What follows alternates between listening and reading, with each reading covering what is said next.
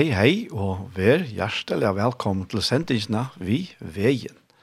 Verster er Daniel Adol Jakobsen, og jeg sitter her i studiet Kjei og i Havn. Og alt mer er det at for at lese tria og seneste part av bøkene, sitter genga Stanta, tja vatsmani. Det er uh, inne på i partene vår listene for en tvei med i viksjane. Og vi er så kommet til den siste parten, Stanta, Og, men eh, som det vi lagt enda av i disse bøtjen her, så er som man alt kvile av til første personen her, og det er at sitte. At som det vi sagt i Efesusbraunen, at vi er sett vi Kristus og i det himmelska. Og henta bøtjen er, som jeg har nevnt før, sammen med henne personen her, det er uh, Watchmani som hever skrivene, hvis det ikke er tala som er nye skriva til honom, Og det er om Efsos brev. Det er herfra han hever hes i uttrykken her, sita, genka, stanta. Og sita som er kvillan og i Kristus. Og genka, det er at vi liva, færa fram og i løvnån, og er atferd, og okkara framgångt eisne her og i det kristna løvnåna. Og nå er jeg så kommet til den uh, senaste parten her, og det er astanta. stanta. Og uh, Lukas og Tuttninga Mikkel, henne bare i pastene har vært, Lukas og Tuttninga Mikkel er eisen hesen pasteren. Og det er, det vil si, om vi ikke at være brukbær og i tjeneste gods, så er, er så sannleggende, og seneste sannleggende som har standa, særstaklega viktigere.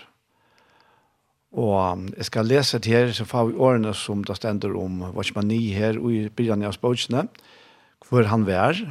Watchman Nee var kinesere og kom som 16 er gammel i 1920 til trikva Jesus Kristus, og begynte han langt samme året å skrive. Tjøkken til fylkjande nær om 30 årene og i tjeneste var han stedfester som en gava fra herren til likamansere. Og i 1922 var Watchman Nee fangsler for tryggsynene og satt i fangslet til han andeist i 1922. Det som av skrivlun tilfær ligger etter han er enn ein kjelta til åpenbering og stål for tryggvande om atlan heimen. Og dette her tilfæret her, dette her faktisk, jeg vil si at det fyllt meg helt fra ungen Arne av, først og før jeg møttes ned tilfæret noen, jeg kanskje har nevnt det av i samarbeid som sendingen, men jeg bare nevnte det ene for en.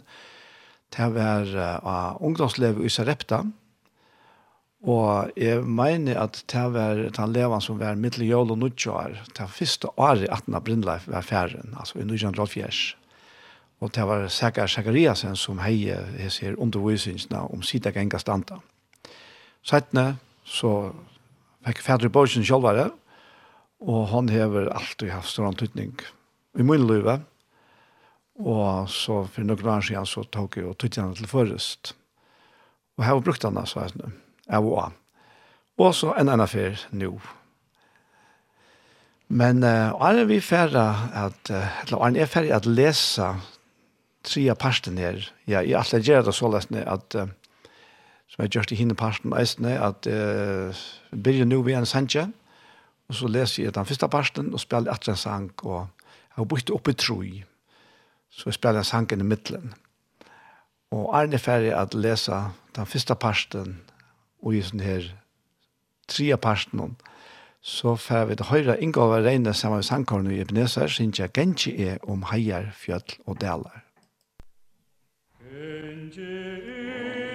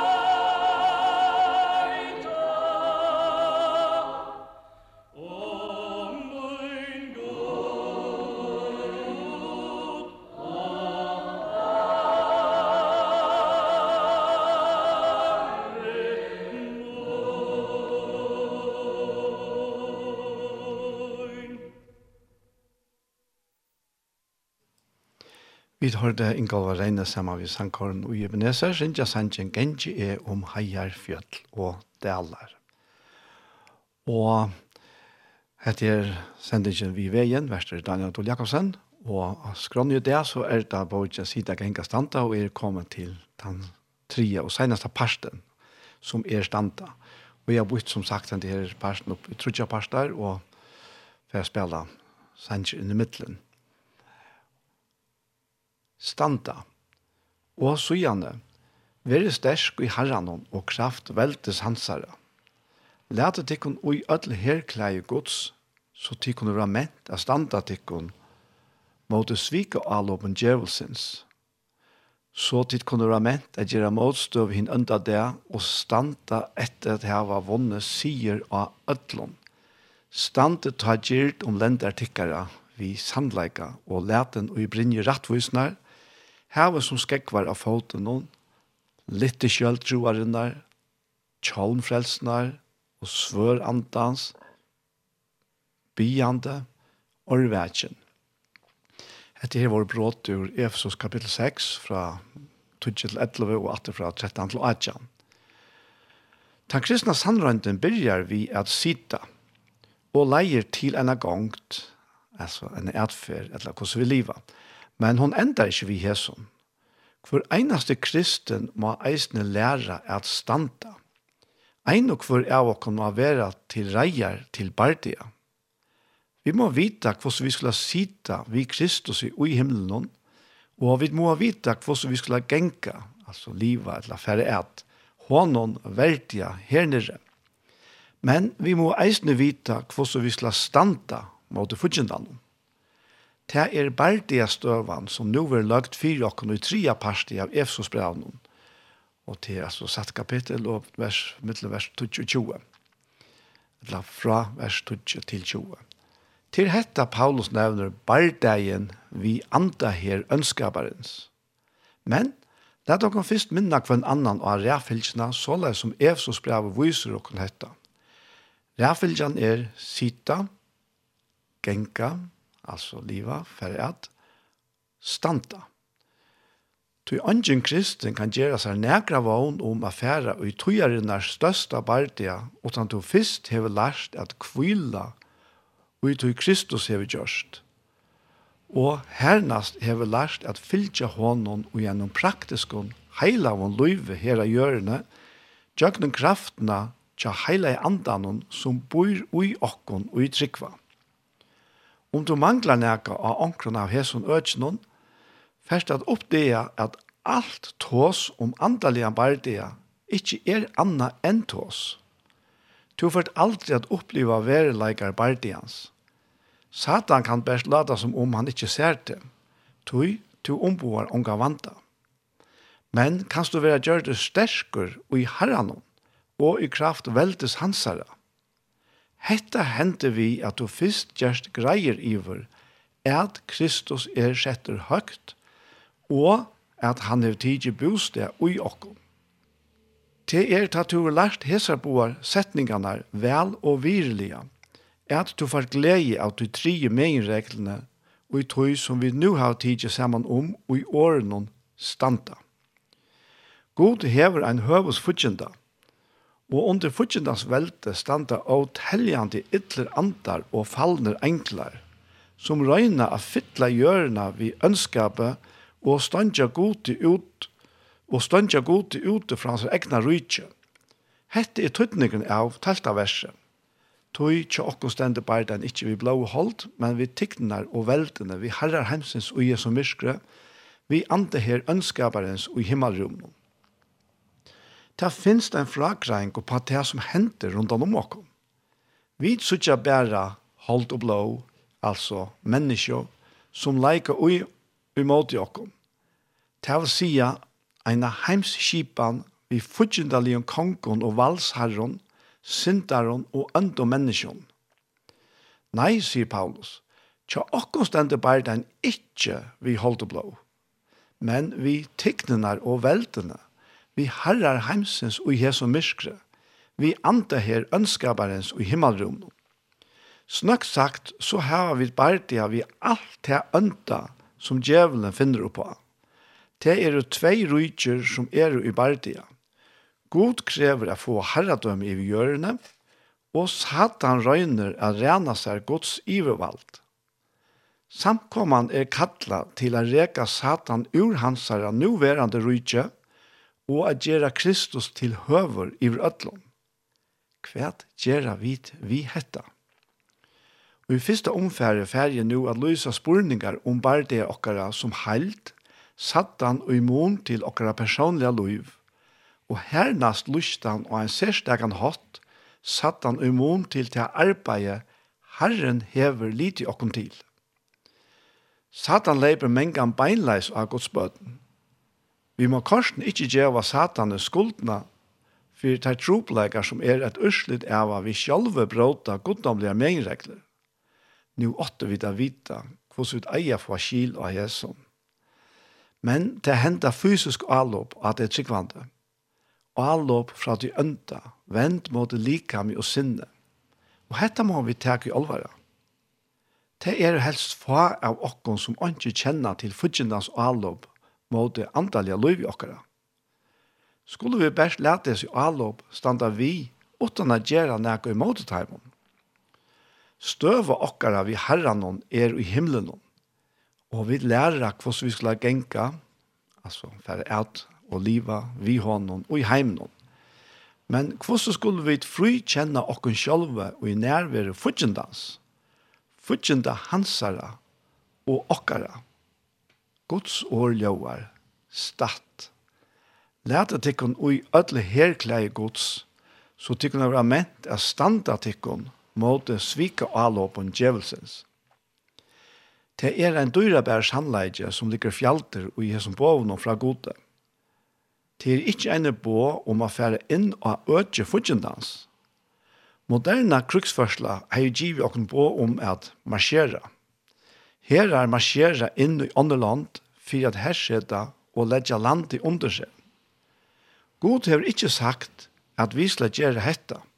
Vi skulle ikke marsjera, men halta stand. Åre stand ber visser at det øtje som fudgjende gjør krav om, og i verilegan høyre gode til, og her vi okkom. Okkom tørvar ikkje a berjast for a få fotafeste i tøylanden om. Nastan öll okkara kruksvapen som er lust i Efsos brevnån er rein verjevåpen. En ta svøre kan nøytas bæge til verjo og allop. Måneren mittlen defensiva, altså verjande, og offensiva, som er avleipande, kruksførslo, ligger ui at ta fyrra ber vissar, at, altså ta defensiva, at i heve herst i landet og røyne av arbeidet til ta settna snur seg om at jeg har ikke hørt i landet, og jeg berges for jeg takker det.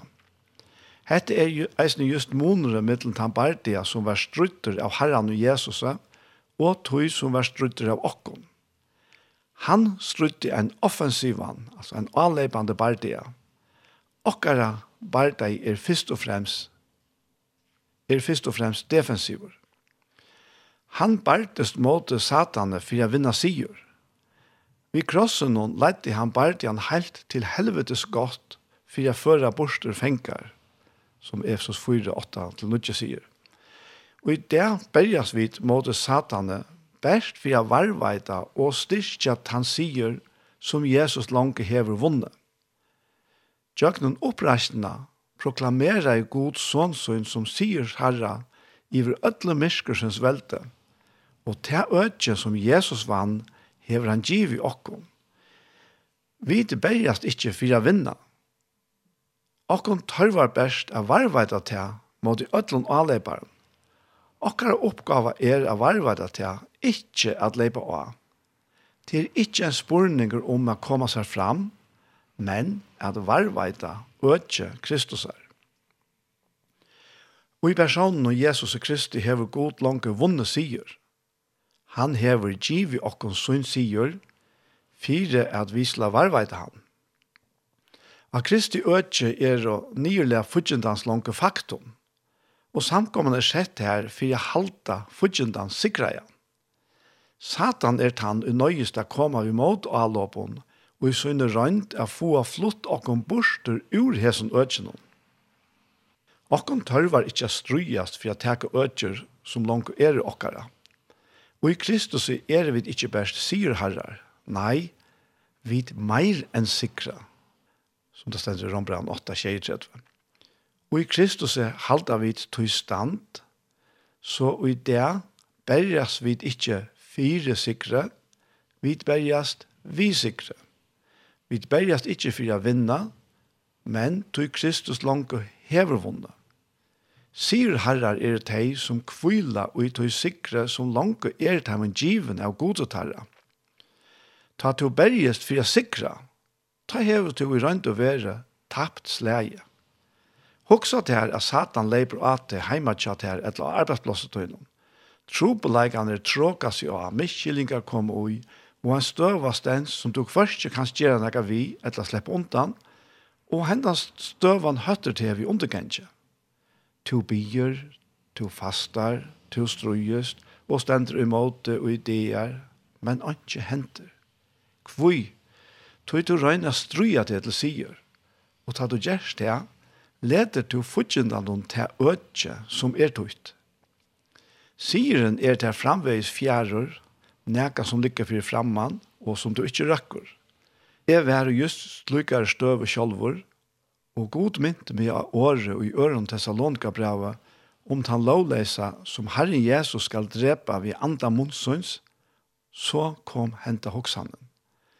Alt og tørvar er best en blaster fra herramunnen, for jeg gjør enda av fudgjenalen. Og her røyne er at øsa opp en av øden. Vær ikkje satan sikrar eina fer fyrir atlar. Og igjen, så er hesen sigeren eisne vunnen. Best de som sitta konstanta. Eins så det er vi kraft okkar at genka, så finst eisne kraft okkar til at standa ui hesson, at vi fyrst hava sett okkar vi Kristus. Gongt og barda i hins kristna finna bæje tvei sina styrkje ui hese som og. Om du ikkje fyrst sitter inne fyrir gode, kanst du ikkje gjera til her negra vogn om a vera standande mot du fudgjendan. Fremsta mål satans er ikkje å få okna synda, men at gjør det lagt til okkon å vende okkon borster fra at vi fullkomna sikre som Herren har lagt okkon inn i. Tjøknu hjärsta etla sinne, tjøknu vite etla kjenslunar, leiper han av okkara kvile og i Kristus, etla gongt okkara og i andan. Men fyrir kvørst av hans alopsøtjon finst eit verjevåpen. Kjallmur, brinja, Belte og Skekvar, og framom alt dette så har vi kjølt troarinnar, så vi viser borster øtlån brennande pylen hansare. Tryggven sier, Kristus er opphevjaur. Vi er frelst av nøy hansare. Vi tar etgångt vi hånden. Han bor vi andasøgnen ui okkom og at alt uh, som er tidlig bort ur Efsos-brevet var i første og tredje kapitlet. Jeg tror at sigeren er hansara, er han eisen i okkara. Om vi best leta vera via røyna av en syr, men i stegen standa vi sigeren, skulle vi suttja fudgjende okkara sleppa seg til rymingar. Vi må ikkje bia herran om a gjere okkom før for å sikra i fudgjendan og heldur ikkje å hitje opp til herrans fyri a sikra. Og i stegen skulle vi bæra prysa honom, tog han langt hever vunne sigur. Han er sigur herren. Alt samalt er den spurninger om trygg okkara av han. Om vi trygg var herren hon, færd ikkje bia så negv, men heldur at prysa honom meire. Jo enklare og klarare trygg okkara er av han, tess minne færa vi da bia og i slukken omstående, og tess meire færa vi da prysa honom. Læt mi endertaka. Ui Kristus er og vid langko, sier herrar. Er det at ta ikkje sjølvsagt at ta hette er støvan, så må ta at bia om sier, om bønnen ikkje er djøgnu seire av lovprysan, vera det samme som har fjeppast oppi ui åsiktsnum og tveita bortur okkara grunnleggjande støvu. Læt meg spyrja til eitt. Hever tu nærkrant vi vere fyri åsikre? Hever tu vana at tu ein dag skulle gjerast no sterskere av vinna?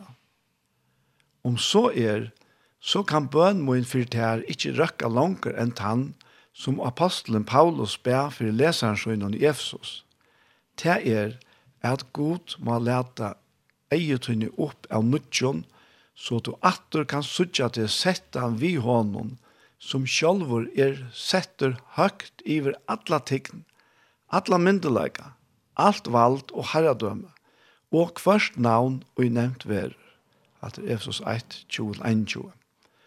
Trobelegane kring det vera kanskje ikkje brøyter.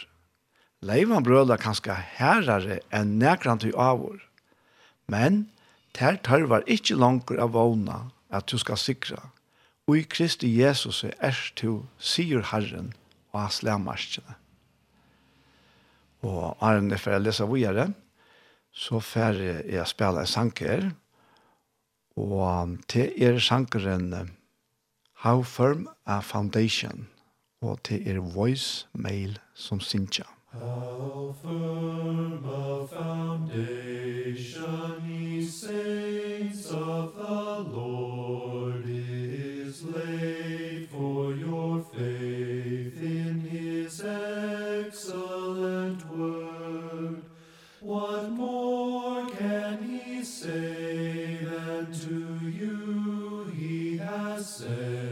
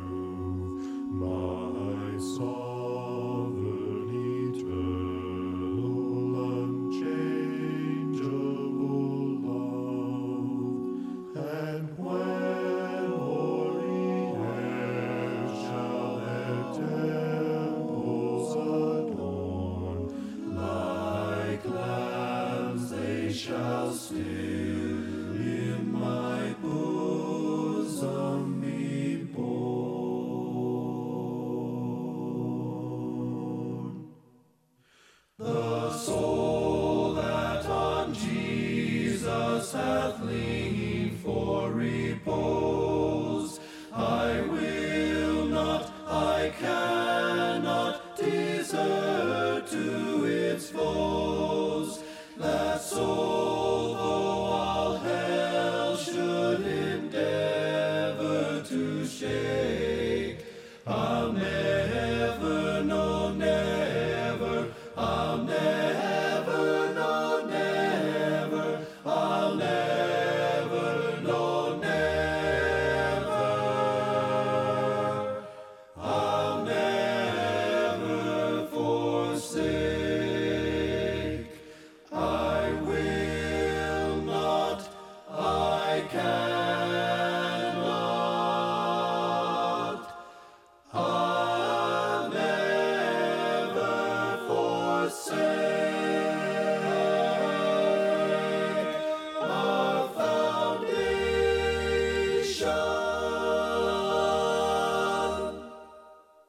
Vi tar det voicemail, How Firm a Foundation.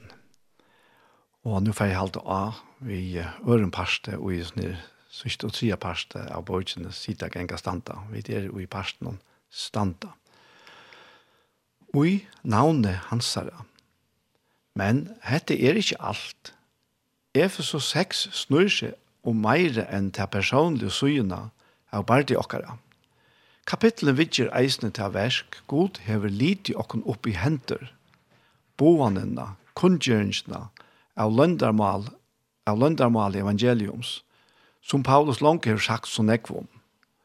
Til hetta versk vera vid vapna vi årsens svøre og einon øron ekvelia tøtningar miklom vapne, bøn, tætje svør andans, som er årgods, biande i andanon, eina og kvarja tui, vi atlar akadlan og bøn, orvætjen og tui, og alt tui ahaldande og biande fri ötlun hinun heiløv. Fyr mer vi, er at merslar er given år, ta i let opp munnen, så er vi dirve kan kunngjera løndarmal evangeliums, fyr kvar skuld er er sende på i lantjon, at jeg skal tala vi dirve om det såle som jeg eier at tala og hetta var så brått ur Eso 6, versene 16-20. Jeg vil fegin si at sindra træt om henta bardian, se og imon til okkara arbeid er fyrgod. To her kunne vi møta en trobleika. Ein og megin er til satt at Herre okkara Jesus er setter i alla tign og alla myndleika og at alt er lagt under føtter hansara, til eisunt at det er i ljósnum av du fullgjør det sikre at vi alltid skulle takka god til og færen og alt og i navnet Herra okkara Jesu Kristus. Men hinvegin mot asana er vi ikke enn suttje at alt er honom underlagt. Paulus sier at han framvegis finna skærar av øndon anton i himmelrumnon, myrskar øndar makter som standa atan fyrir valsherranar og i hesen heimet og som her teka øtje som av røtten er og herrans. Og i kvann mån har vi rett til å si at dette er en defensiver, altså en vergekjent bardeie. Vi vil ikke være alt og gjørv. Tøy må vi spyrre om nær, og i hverjum virkskiften har vi rett at her teka øtje som ui til ytra høyra fudgjennalen til, og sujane krevja teg og Jesu navnet. Lät okkon teka årgods til hjelpar og i hesson føre. Hva sier til okkon om bøn og at virka og i Jesu navne? Hikk fyrst etter hesson bav om bråten Sannelig jeg sier til okkon, alt og i tid bint av hjørne skal være bunt i himle, og alt og i tid løysa av hjørne skal være løst i himmelen. Oppa til sier til okkon, vera tvær tikkar av hjørne samsinter om a bia om okkurt, vere hva ta vera må, ta skal vera ta min give av feirmoinon som i himmelig er. Ty her som tvei etla troi er sauna saman i navne moinon er i e. Og hatt er Matteus 18, 18 til 20. Og nasta brot er, Tan der fer sin åndsja spyrja mig om. Sanneliga, sanneliga, si er tikkon, kvært tid så bia feiren om, skal han djeva tikkun og i navne munnen. Her til hevd han ikke bi om i navne munnen. Bie og tisla foa, for jeg glede tikkara kan være fullkommen. Tande han skulle til bia og i navne munnen. Og hatt det her var i Johannes 16, versene 23-24 og 26. Ongen kan være frelster uten å kjenne Jesu navn og ønsken kan være brukt effektivt av gode, utan å kjenne myndeleikene og i hese navnet. Paulus apostel gjør greit at det navnet som Jesus viser til i tegnbaum bråten og afire, ikke einas er det navnet som han var kjent vi til han gikk her mittel mennesker. Jo, vist er det det samme navnet som ei kjente han som menneske. Men til eisene til navnet som noe finnes til heite og til myndelega som var given hon av gode, etter at han har vært løyen helt til deian, som, som vi kunne lese om i Filippebraun om 2, 6-12. Hette er urslit av løyengon hansara, navnet som han ber i syne opphevja av støv og dult, og i det er det i tøy navnen som iver ødlån nøvnen er, at vi saunast og bia til god hentan skillnaden er det ikke einans Paulus som fremmer, men han var eisende langt framter av Jesus i settene bråten og vi siterer om fyra. Hier til havde han ikke by om, og tante jeg skulle til bya. Fire lærersveinene vil det være store måneder av tante jeg og nå i vers 22. Nækka teir ikkje heva nu, færa teir at teka i måte ta. Og ta det her tid imot og tog, for at her. Hetta nekka er myndelagen og fylgje navnet hans hansara. Er her omsetninger sier her at ikkje bi om omnekka. Føreskar omsetningar sier her at ikkje bi om, og hatt er altså sagt i parentes. Ei okra må være leten opp, så vi sutja til veldig brøyting som hendte ui og vi himmelferiene. Navnet Jesus identifiserer han som som sitter av trådene vi timpermannen ur Nazaret, men det røkker langer enn det.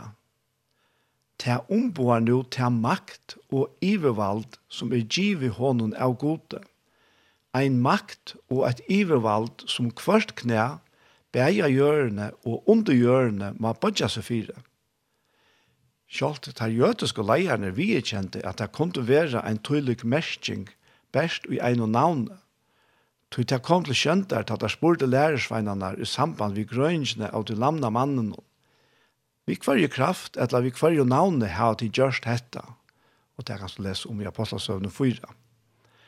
Og i det sier hetta navnet i okken, at God hever avhenta sånne sønnen atla myndelega, så at kraften finst i navnen og sjolvun. Men vi må eisne leggja til merskjøst til støvut endertikne malberingsna ui navnet. Hetta mestjer av kvann hatt apostlander ui verleikan og nytt navnet.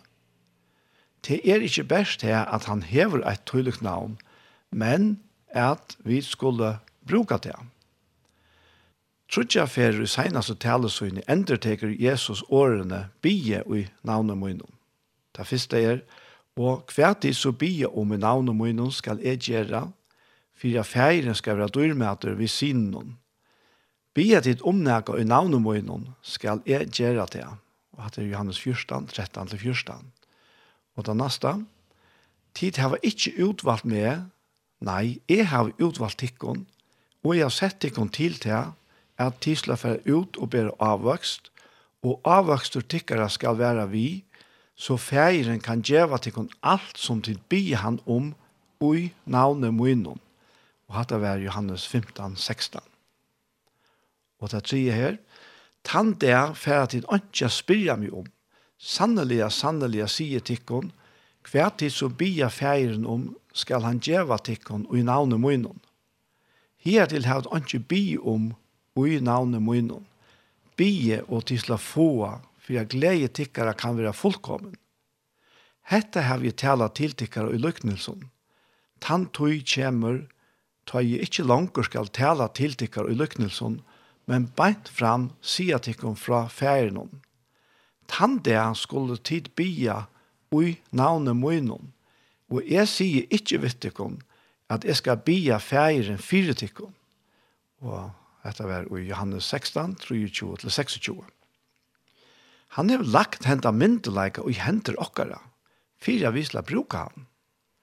Myndelaiken er ikkje einans hansara, men han er given middelen menneske, som det stendt i Apostelsen 4. Om vi ikkje vita kvann leiklot vi heva ui hesun, er og vid fire og misse. Kraften og i navnet hansara virkar og at Simon øtjum.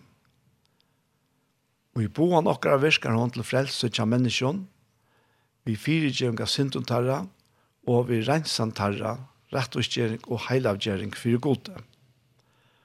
Og i ørenleie, og i okkara andalige bardia, er kraften og Jesu navnet mått mykje mot Satans makt til at binda hans av alt og føra til inn under lyttene. Og i tredje leie, og som vi langt har sett, så er hun effektiv i bønnen okkara til god, tog vi hava langt tverfer hørst, og hver tid så bi om, og tverfer alt som tid bi om. Sett i fri hesen avbjørende åren kunne vi vi havviring sia, Herre, dirve tutt er størst. Tøyt er at god og henta hatt leter seg iver til tænare skynar, er nega helt eina standande. Vi skulle nå hitje etter Simon Ørendømen og i apostlasøvnen som kom lyse etter Gjødlare. Det første, men Peter sier, «Oi, navnet Jesu Krist, Nazareans, reis til og gakk». Apostlasøvnen 3.6. Og det neste dømme er, Paulus venter seg og sier vi andan, «Oi, navnet Jesu Krist, sier jeg vitte, at du skal være ut ur henne.» Og han får ut og i samme stund. Og at det var apostelsson 16, 18. Og det tredje dømme, men eisne nekrer av henne jødiske andamenneren og tog seg fire nevna navn herrens Jesus her iver teimon som høtte henne ytlo andanar. Teir skjøtte, jeg mener tikkum vi henne Jesus er som Paulus prædikar. Men henne ytli andre sverre teimon, Jesus kjenner jeg, og Paulus vet jo om, men tid Kvarjer er tid, og hetta var ur Apostelsen 19, 13-15. Legg merke til det Peter gjør vid han lamna mannen vid tempeltidene. Han legger seg ikke av knæ, av bia og søker herrens vilja fyrst. Han sier vid det samme. Reis til og gakk. Han brukar navnet som om det var hans ekna, og ikke som om det var nækka fjerst oppe i himmelen. Det samme gjør seg galdende da Paulus er i Filippi. Han kjenner i andasøgnen at han sataniske aktiviteten er færre nå lengt. Det stender ikke at ta stekka i Paulus og av for å bia.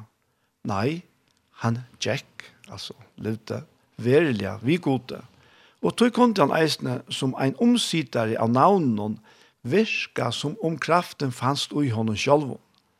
Han bøyer og at han anden fer ut og i sommerstund. Hva er dette?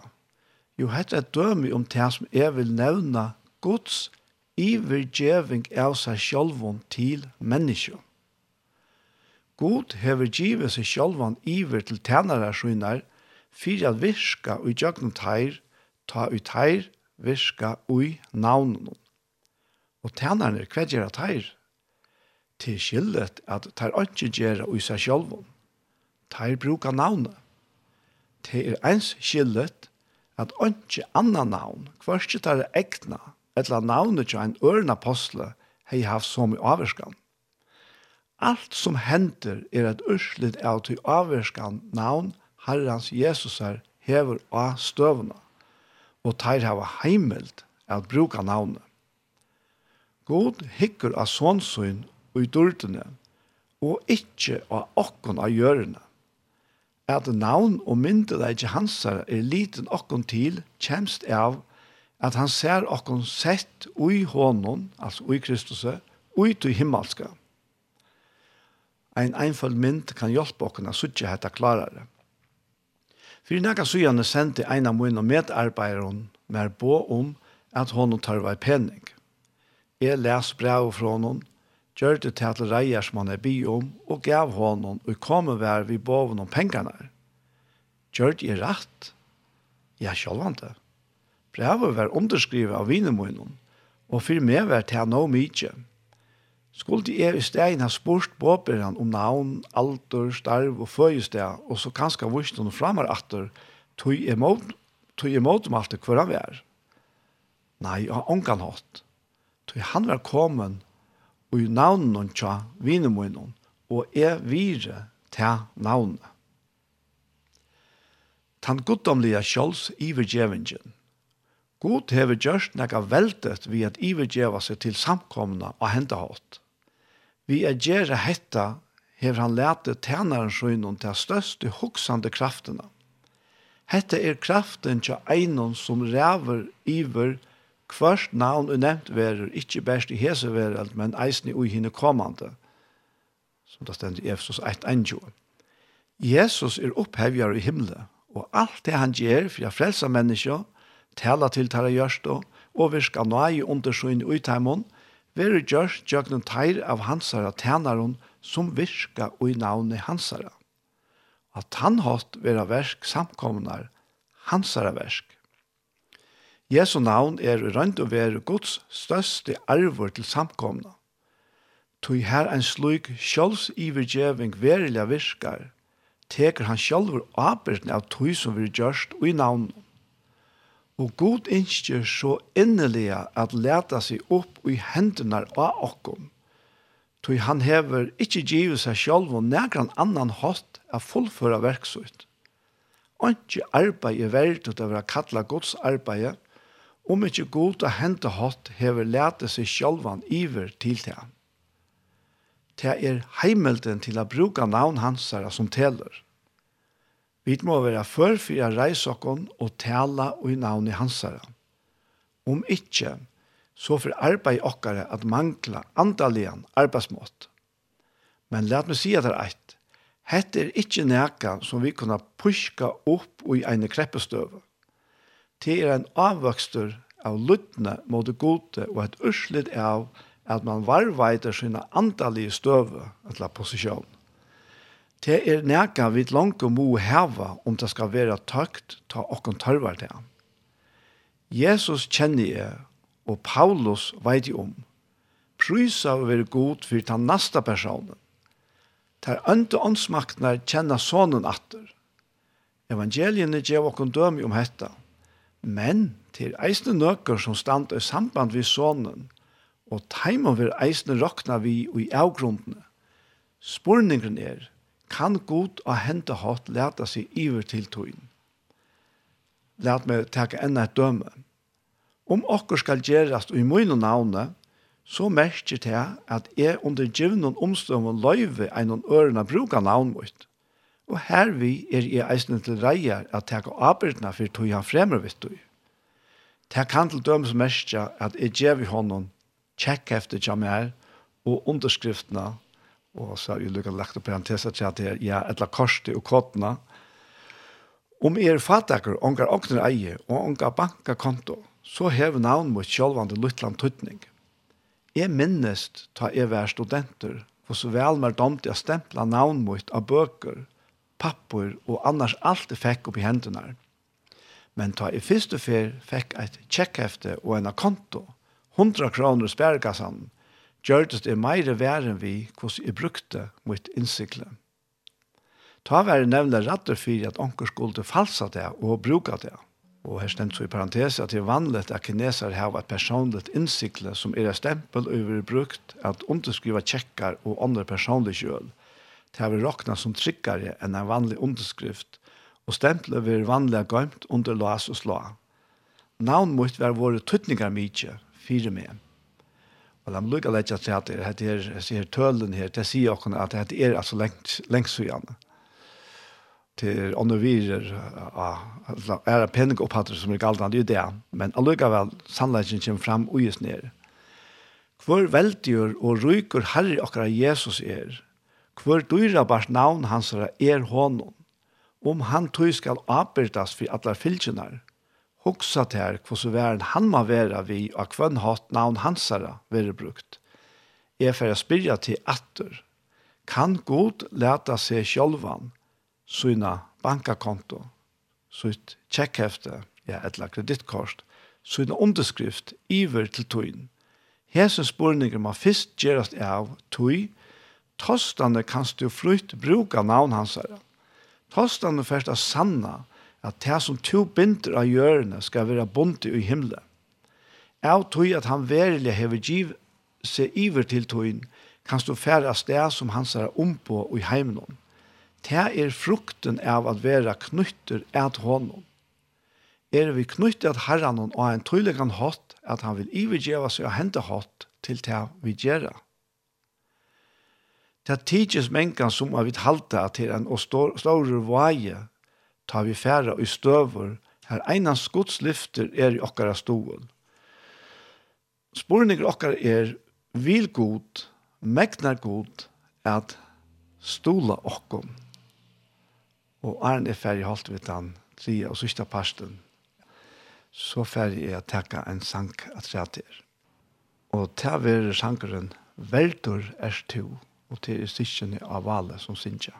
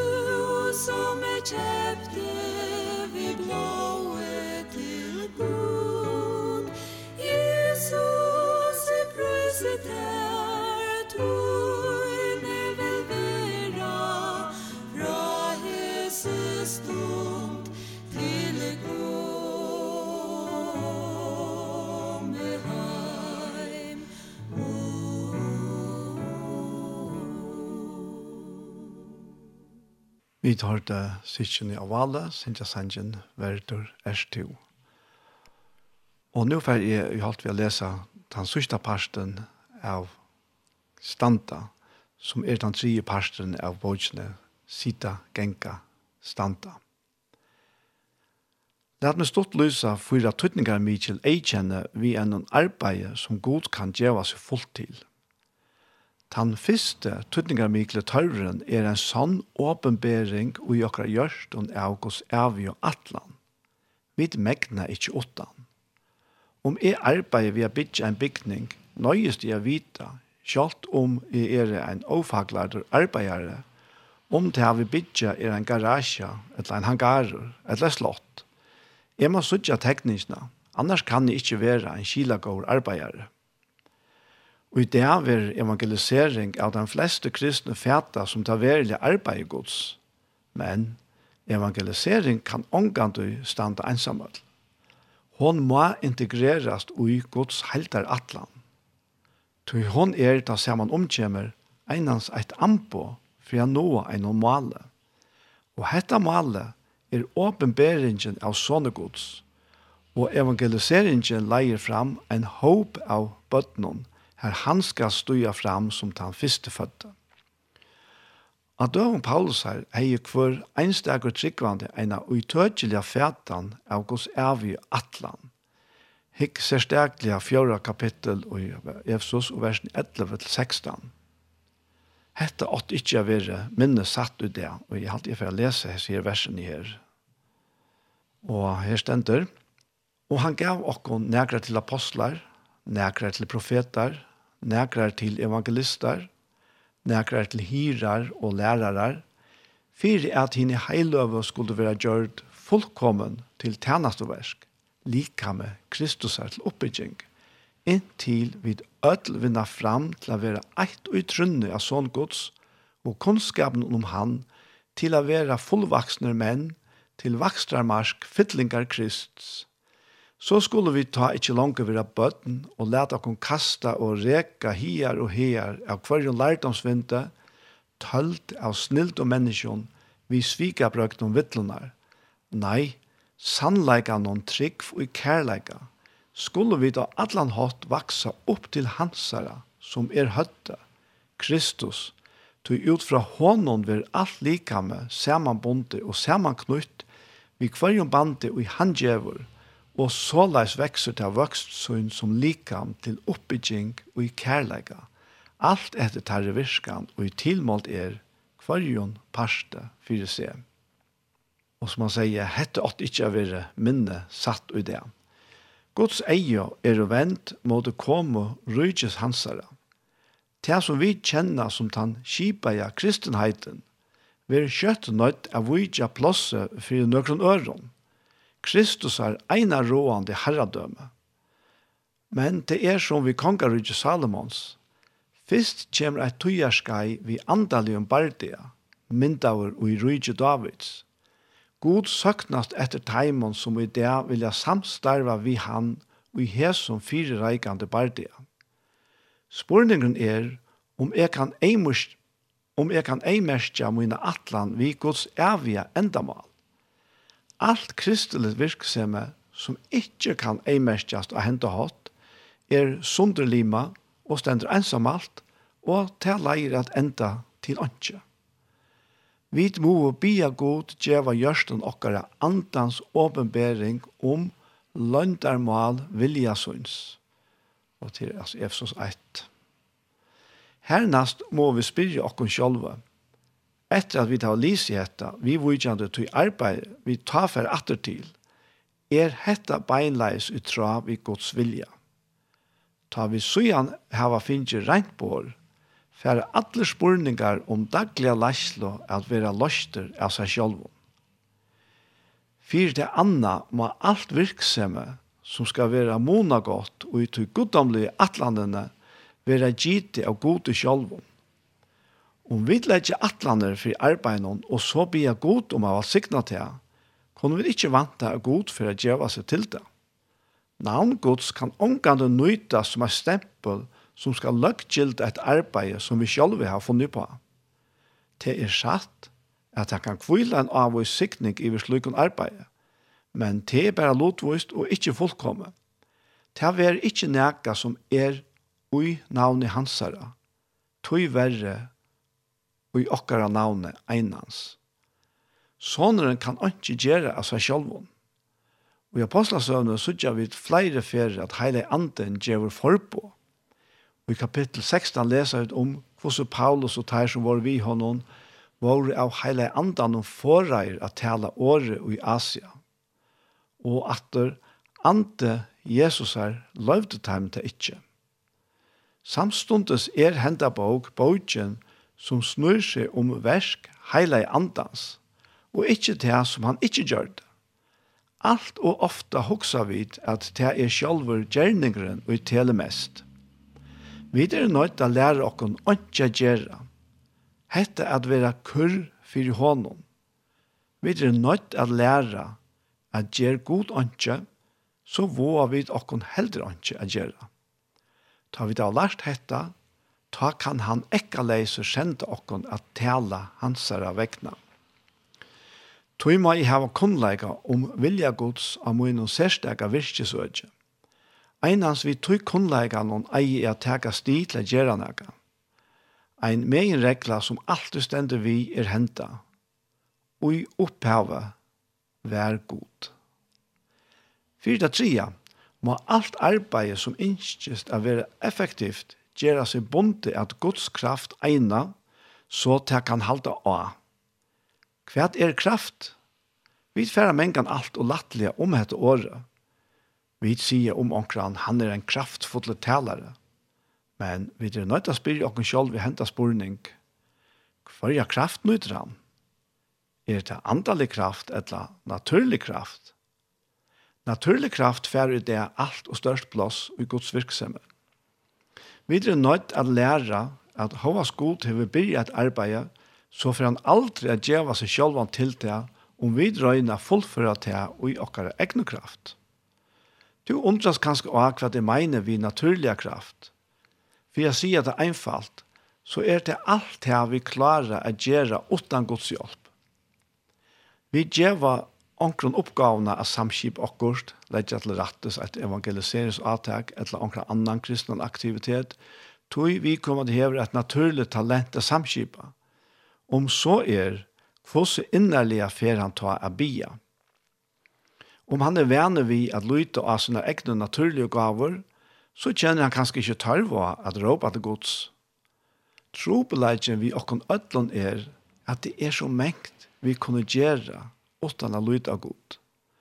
Vi må komme her at lyga mye hvordan gava vi enn kunne vera fra naturen av sjøya, så våa vi kvarstja gjerra etla tala utan så at vi tilvita og avhaldande er bonden at honom. Stefanus lyste Moses etter at Moses var utbyggven i Egyptalandet såleis, og meie var i åren og verskon hansara at han kan lese om i apostlesøvn i. Men etter at god hei tidsi seg av honom, måtte Moses sia, Høyr mi herre, jeg har vi aldri vært årkringer med avur. Jeg vær det ikke avur, og er det heller ikke nå, etter at to hev tala ved tænare tøyn. Jeg er tunker for malen, og har vi ilt via tåsa. At det er ånne Mosebok 4 tøtje. Ta ein og i føtter er vi talegavun, kjemer her at han sier, jeg kan ikke tåsa ta her og lært nega grunnleggjande, og er avveges at gjerast verilige, nyttelige tja gode.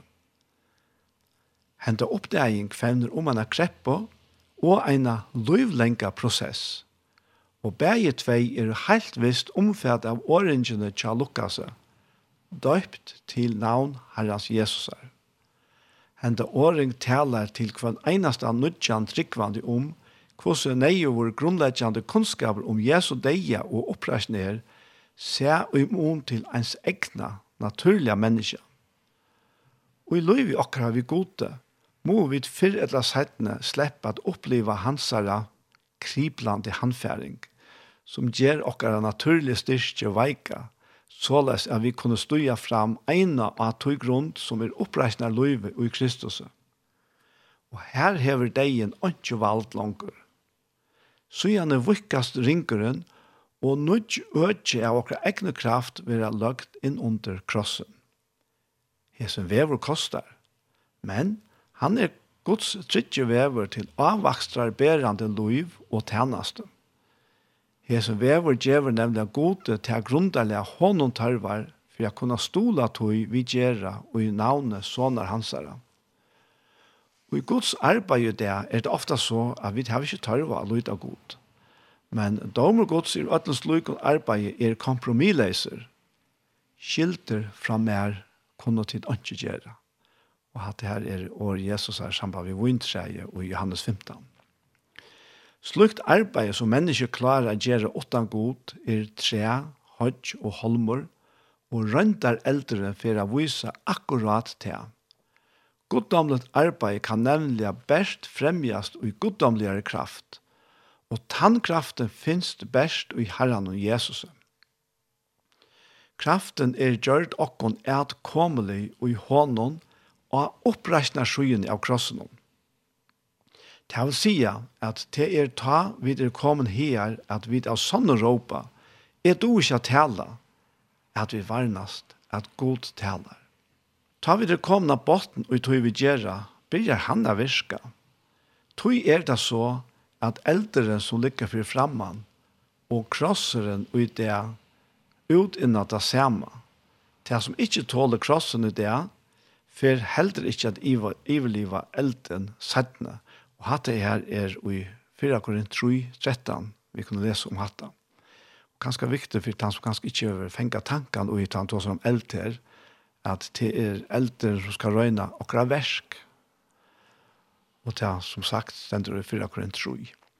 Om arbeid mot det som gjørst ved i egnere kraft må dødja. hvordan jeg får ta at komme opp ur grøvene. Ikke. Det er ikke som for å iverlive krossen, om det ikke er helt og fullt og i gode og i Kristus. God byr dere aldri gjøre noe vi selv megner. Han byr okkon liva et loiv som vi ikkje megna, og gjer et arbeid vi sjálve ikkje megna. Men vi nøy hansara, så liva vi dette loiva, og vi utinna dette arbeid. Ta loiv vi liva er Kristusar loiv, og vi liva ta og i Guds kraft. Og ta arbeid vi gjerra er Kristusar versk, utint tjøkken okkon av heile andanon som vi akta sjálvløyve, altså egøye, er einaste hinder for hesen løyve og hesen arbeid. At enda, så må det som er male og atlan vi ødlan til arbeid og god skal kunne djeva seg sjálvan til vera, at det er han som får ærena. Det merker at ønske vil etter til okken sjálva. Det er en goddomlig meginregla at det som minne vid personlige få bort urslugen arbeidet, til større vire hever det fyrir goda. Rom er ikkje fyrir manna heire og i Guds arbeid. Til rett at det finst ein djup, dyra vær glede og i ene kvarje tjeneste som toknast hånden og som leder dyr opp fyrir verskon hansara. Men grunderleg under hese glede er at han fer heiren og ikkje menneskje. Alt er nøye dyrt hansara tilprøys, som det stender i Efsos 1. Det er ikke for en atler hese spurningene mellom okken og god er greiter ene fer for atler, at god djever seg sjølvan iver til arbeid i okkara. Og er tryggve at han løyver okken å sia at han tar er nøytter å gjøre til. Røyndene ur Kina har lært okken at om det er årsøk at ivast om okkar arbeid er av gode, så varnas vi helt visst at god er atterhalten vi har sværa bønnen okkara, vi vujtjande tøy, vi er i fer vi er gjerra. Men tatt det kommer helt og fullt fra hånden, gjever han seg sjølvan iver til til ham, og en undersammanhått. Ta er til at du i fullkomne lyttene mot i hånden kan spruka navn hans herre, og alt helvete vil nødt av vi er kjenne til en myndelegge til å gjøre til ham. Ta god gjever seg sjølvan iver til neka, åpenberer han vid kraft, at han er uttøy, og at han selv er opphavsmæveren til det. Det sørste ui som personen her, som vi får lese nå, det er en fras, altså, en søva som han forteller dere fra sin egna løyve. Og overskriften er «God Elias her». Lært meg at enda teka en av mine egne røynt om vi. Nøkker få og etter at jeg var byrja i arbeid i okkara, kom vi inn i et tøyerskei vi hører røynt om. Det var det er vi vannbråten, og vi var av edgjene til vannløse. Fonnes var et okkon, og vi var kommet i ringt år vegna støvetekan okkara.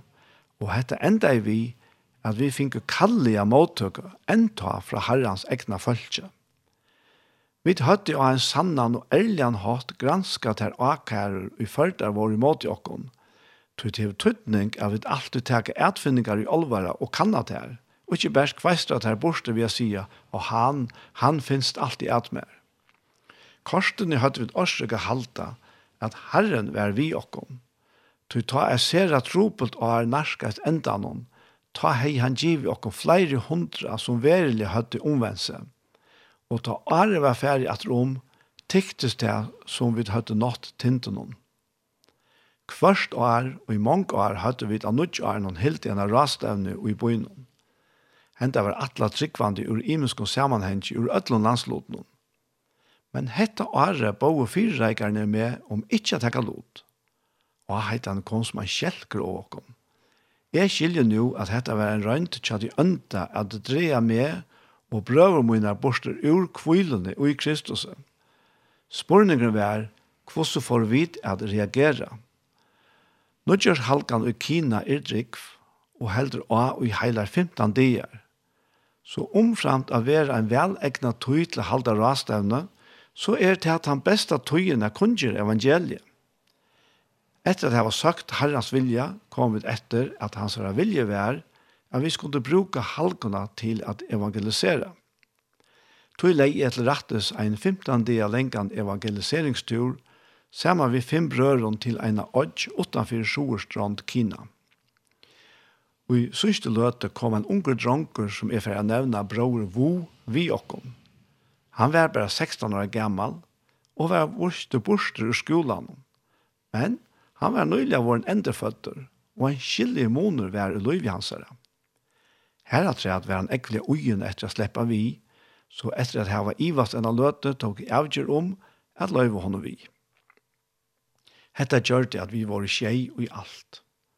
Odgen var rettelig stor ved en storere høvesbygd ved 6.000 familjer.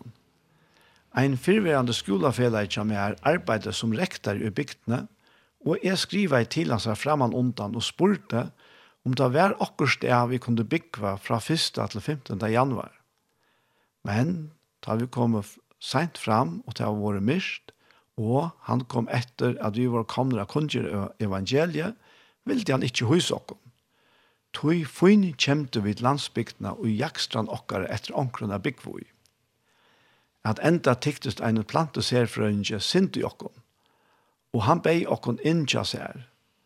Vi nøkron plankon og ei sindra holme, så gjør han det heilt fytle til okkon oppi loften.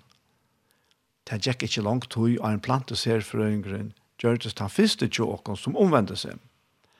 Men havas vid arbeidde bei herst og mivoist og følt i bygdene virka sera frintlig, så fink vi sera Lutland avvøkst av hese odj, og vi byrja undrast av hvor så vi er. Ta 19. januar var vi ute og kunngjørte evangeliet. Bror Vo og nær ærer var ute i ena parten av landsbygdene, og at enda spurte der falt ikke barst ut, hvor vil ånden av til kontrikva? Ein i fjöldene sværa i stundene, vi hava ein god, ta vank, som mest er store konger. Og han er aldri svidt okken. Han er en fraløyke god. Hvordan vet jeg tid at de kan lytte av hans borde vo? Jo, vi tar ikke skruganger fire hånd hvert eneste år i januar og i 206 år. Tan avsette dævren veri jøgnes spata om åpenbæra framan undan, og hvert år, utan undantag, hever dævren til hånden veri fullkommen, utan regn etter skudj, ljøa svære. När vi skrugongan i år. Hon er først sett av er at han 11 januari klockan 8 av møttene. Ta, säger bror Vo impulsiver, skal jeg lova til henne at det er helt visst for å regna at han 11. januar. Vi tar samme for flere i fjölden i Europa. Nå er noe mye. Vi vil ikke høyre mer av tikkere kundgjøring, men om det regner det 11. januar, tar det tikkere god som er god. Jeg var stater ærestene og i bygdene til hette hente. Vi tar samme i frattet til skilt i at hette var skjere alvarslet. Tøyendene får om ødene som elder i torren græse, og etter stått der tøy for 20 000 mennesker av vite til. Hva skulle vi gjøre? Vi stekket av kundgjøringen av evangelien og beina veien, og får av bia. Vi bo i herren fire djevåkken om vi var kjengner og vutt. Jeg skal si at jeg kom, at hetta var deians olvara. Hva hadde vi gjørst? Hadde vi gjørst nek øyla skreft? Etla, kom vi våkna bia god om eit under? Til større innskje du hever etter å få bønarsvær fra gode, til større langsel hever du etter at hava ødel vireskifte i leie ved god. Til må ingen ive være om fellesskapen, ingen skudje som stender i middelen. Hadde vi gjørst nek skreft, så hadde vi ikke sett dere opp i måte om vi var tvettere dyr. Du kanst ikke dreie god inn i næka som ikke er hans vilje. Men vi kom etter at dette kunne gjøres enden av evangeliska vittnesborene og ødene, og at ta vank og hindre og kunne hilde av som roende første og i æver. Hva skulle vi gjøre? Skulle vi rymme og ta i stundene?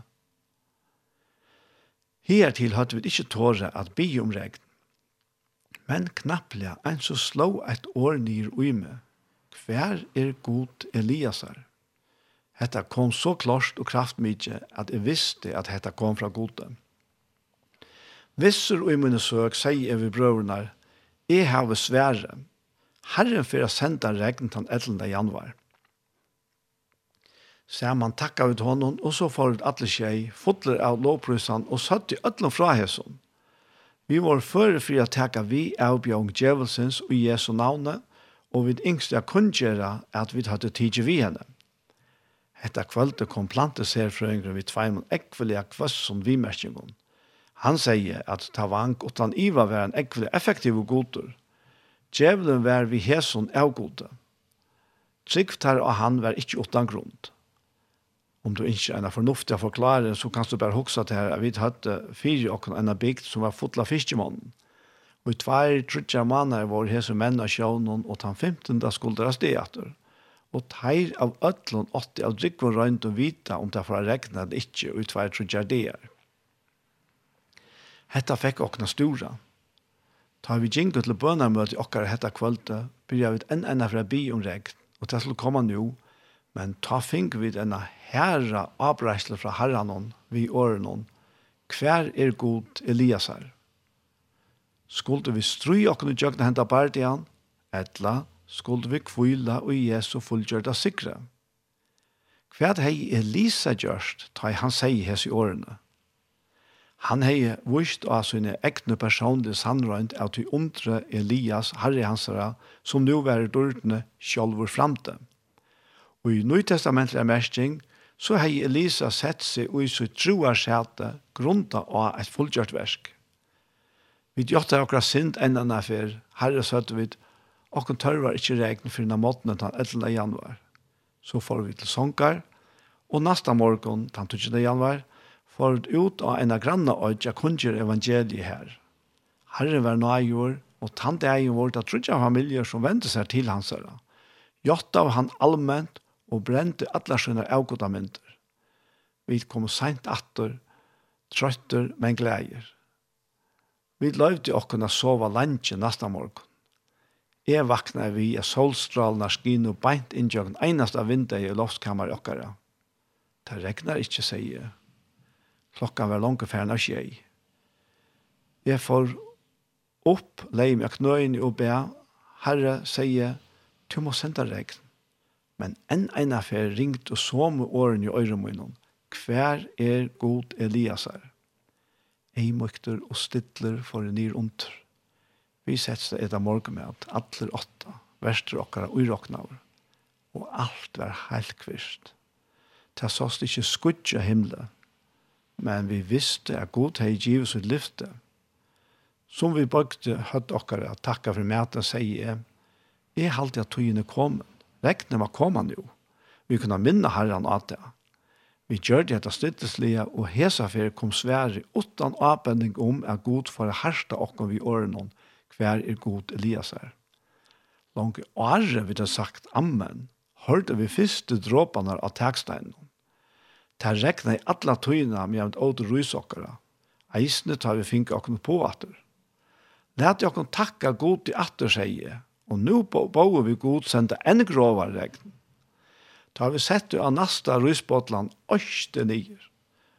Da vi var litt ned eta vær tjukt i vattnet ut av gøtene. Og de tru trappetrinene av husen okkara stod under vattnet. Kjøtt fratte vi hva var hent i bygdene. Langt at de første dråpene fotle hadde nøkker at de yngre atterligen sagt allment Hette er god, ta finst ungen ta vank, han tårer ikke ut i regnet men det passer ikke. Så nå får det berende vi honom og gjennom ber, berestål. Sjølvande får han å stekke regnen, men ta kom glåbra regnen. Etter best 12 meter snava og trutjer av kolionon, altså berarnon, og dotter. Tøyskild dotte bæge berestålen og ta han nira hjørna, og bæge kjøltjen og armeren av honom brottnav. Men det gås ikke så. Tar bøtti om han bra fenges og setti han sujan i atter og i berestolen. Tar glije og snava og og finkan så dant vissar og så drassa av tar han vissar jøkken halv og bygdna. Men så var der stekkar av fløymenon. Nekre at han eldste i bygdene var eisen i åttandorar, gamle menn middelen trus og fors år, tar hattleiser og åttan regn så som tryggven av tavang vekkre krautet. Flere tar av våre dottner hadde store tropleikar. Skrugonga stekka jeg, og avgodene setter inn i et hus. Så får dere spå. Det er skreiver dævre det alje og svære. Fagnar skal være den fyrstanda, og skrugonga skal, skal være klokkan 6 sedna parsten. Vi tar sema vid hård hetta, kommer full vissa og gjørste okkara. God for å senda regn den fyrstanda. Vi får i bøn, Herre, send okkon regn til 14. januar klokkan 18 og gjev okkon fyra fraløyga dier inntil ta. Sema sætna bare klarar ui, og nu var det mange vil til høyre evangeliet. Herren gav okkon tret over sann, nøy omvendt, bæg i bygdene og rundt øytna hesa trudja dagarna. Så kom den fyrstande. Hetta var en stralande dæver, og vi hadde gau møter.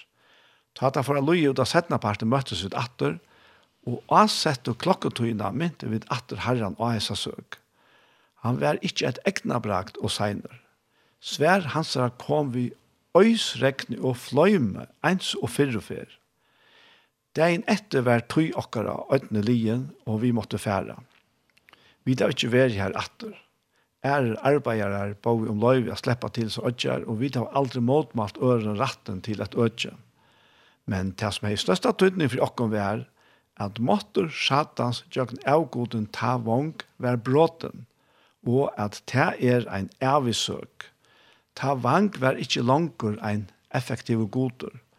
Saler får jeg være frelstar, men ta kommer sjálv og her at stand i skuggan av hesson lus neioa og orangjande verleika. Hetta hei eit verandi åren av kon atlar. God hei givet seg sjálvan iver til hesa søk. Vi hadde smakka myndeleikene ut til navnet som er iver ødlån øre og navnet. Til navnet som hever makt beg i himmelen og i hjørne og i helvete. Jøkken hesar fav og der hadde vi lært at kjenne tøytningen av at vera mitt og i Guds vilja. Hesi årene var ikke langer best veik og sveimande fyrir okkon. lust lusht en oppleving som vi sjálfur hadde røynt. Saman hadde vi finnes en glotta av løndarmale vilja hansara. Efsos 1, 9 og 3, 2. Vi får jeg stuja varliga, allar deir okkara. Många år sættene møtte jeg bror Vo. Jeg er med samband vi han, og i middelbilen var han blivet flåskipar tja en flåfellag. Ta jeg spurte han om han framvis fyllte herran og sier han, herran ni, heldur du at er nækran du kan færa fra honom etter alt her mer hever veri fire. Skiler du hva det mestjer er standa? Vi røyner ikkje a ledja lent i under okkom.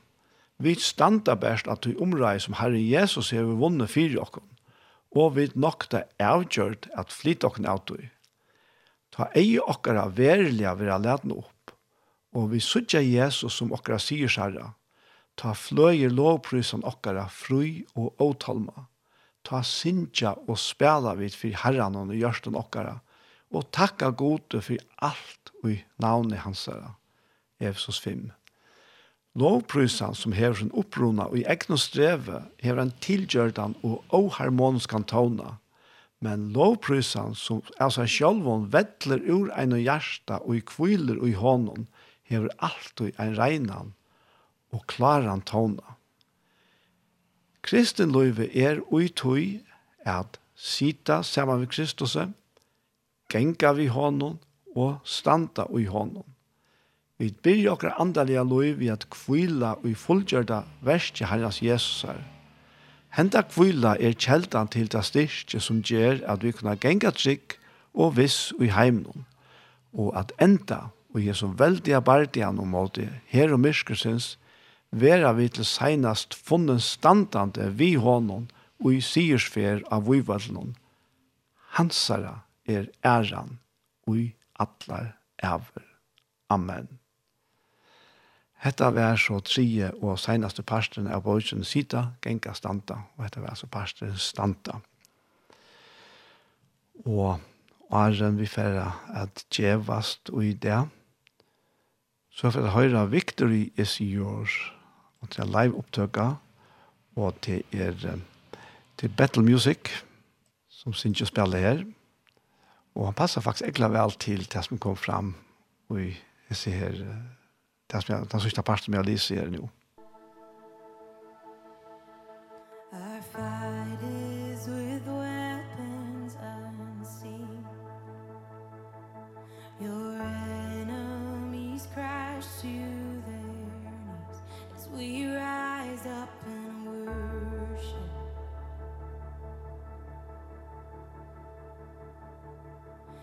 child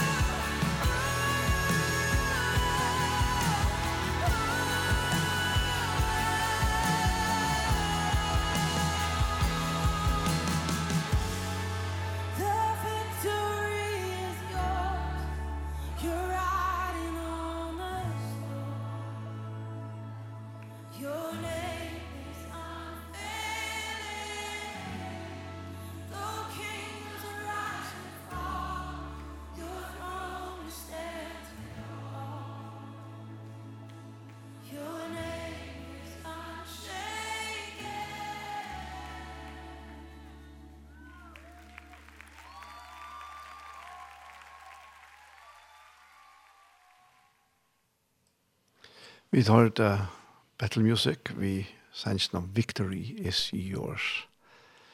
Ja, det er det så sannelig, ja. Fantastisk. Det er helt anstandende, det er at jeg kjenner Guds nøye kraft og i løvnån og i tjenesten i eisene. Og, og som det kom fram i sin partner eisene, at det er bare hans versk som kommer stand. Det er bare det som vi, vi er holdt vi som er av honom som ständer. da. Allt annat till, til förbära. Det är bara så. Och han sier hvordan han fyllt til åkken.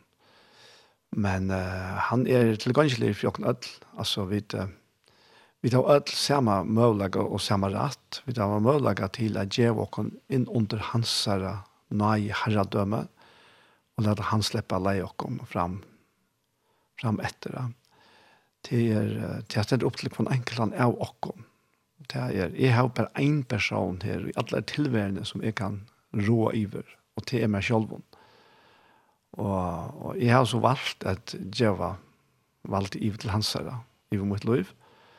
Og for det er man ikke blitt en helgen på den måten, en helgemenne som så løsne, og menneskentlig forstand, men uh, vi som tykker at han er i hans heiløv, og, og vi kunne få nøy i hans herre, til at lokken fullt ut til at være hansara og i som myrkren noen er. Og jeg trygg, ja, jeg, det er rett og nek så gjerne at det gikk opp for meg til at hansara atlan vær at vysa seg som sier herre og i hesson at han, han det er det man vil vi okkom. Vi tar var og ofta haft til fætande at einast endamal er at til å få okon nøkna mittelskjeren her og i heimen og så heim til himmel altså. Men det er, det er for usalet, det er for vannalet. Han innskjer at vysa fudgendan til at han dyr med seg sjolvan og i djøgnen synebød og gjør. Så lad okon bare kvøre synleie, teka det til okon og tjev okon i hans herre. Det er alltid det beste oansett til alt det tryggaste. Og det mest effektive eisene. Til det altså er ferdig, og er ferdig, enda så ferdig er bena bøen. Ferdig i Jesu Kristi navn, så takker vi til her fire tøyt underfotler og her. Du som først hever skapt alt, skapt mennesker, og du som hever dri okkon, ur målet inn og i hendan heim herre Takk fyrir at ønsken av okken er en tilvilt her, men vi er avgjørt ui tøynon hjärsta. Og tøy er vi til her, og feir i Jesu Kristi navn, så bi om her at heile andans nøye og visdom kommer å fytle okken og lete okkara hjertans eier opp her, så vi suttje og skilja alle stingen her her, så er som to er atlada. Vi tar ikke derfor at det er så øyla trygt dette her, at kunne djeva seg iver til tøyen, og vita til at du har alltid bæra godt og ta besta fyrir okkom. For jeg er sikkert en og kvann som hever hårst bådskapen i det. Takk for at hvert eneste menneske er elsket av det her. Og takk for at du hever atla okkom til å nå de som enn ikke er nått vi kærlega tøynon. At vi kunne være vitla nåa de, røkka de her. Vi kærlega tøynon, vi nøy tøynon, vi veldes kraft tøynon, vi åre tøynon herre Takk for at du er han som frelser mennesker og djever nytt lov far. Jeg var signe land og folk okkara og i tøyne og dyra bæra navnet her Jesus. Amen. Hent er her sendingen hon vil høyre atter i kvöld klokka nudje og, og i morgenarene klokka fem. Så etter jeg bare sier tusen takk for Jesus for. Takk for so heimselig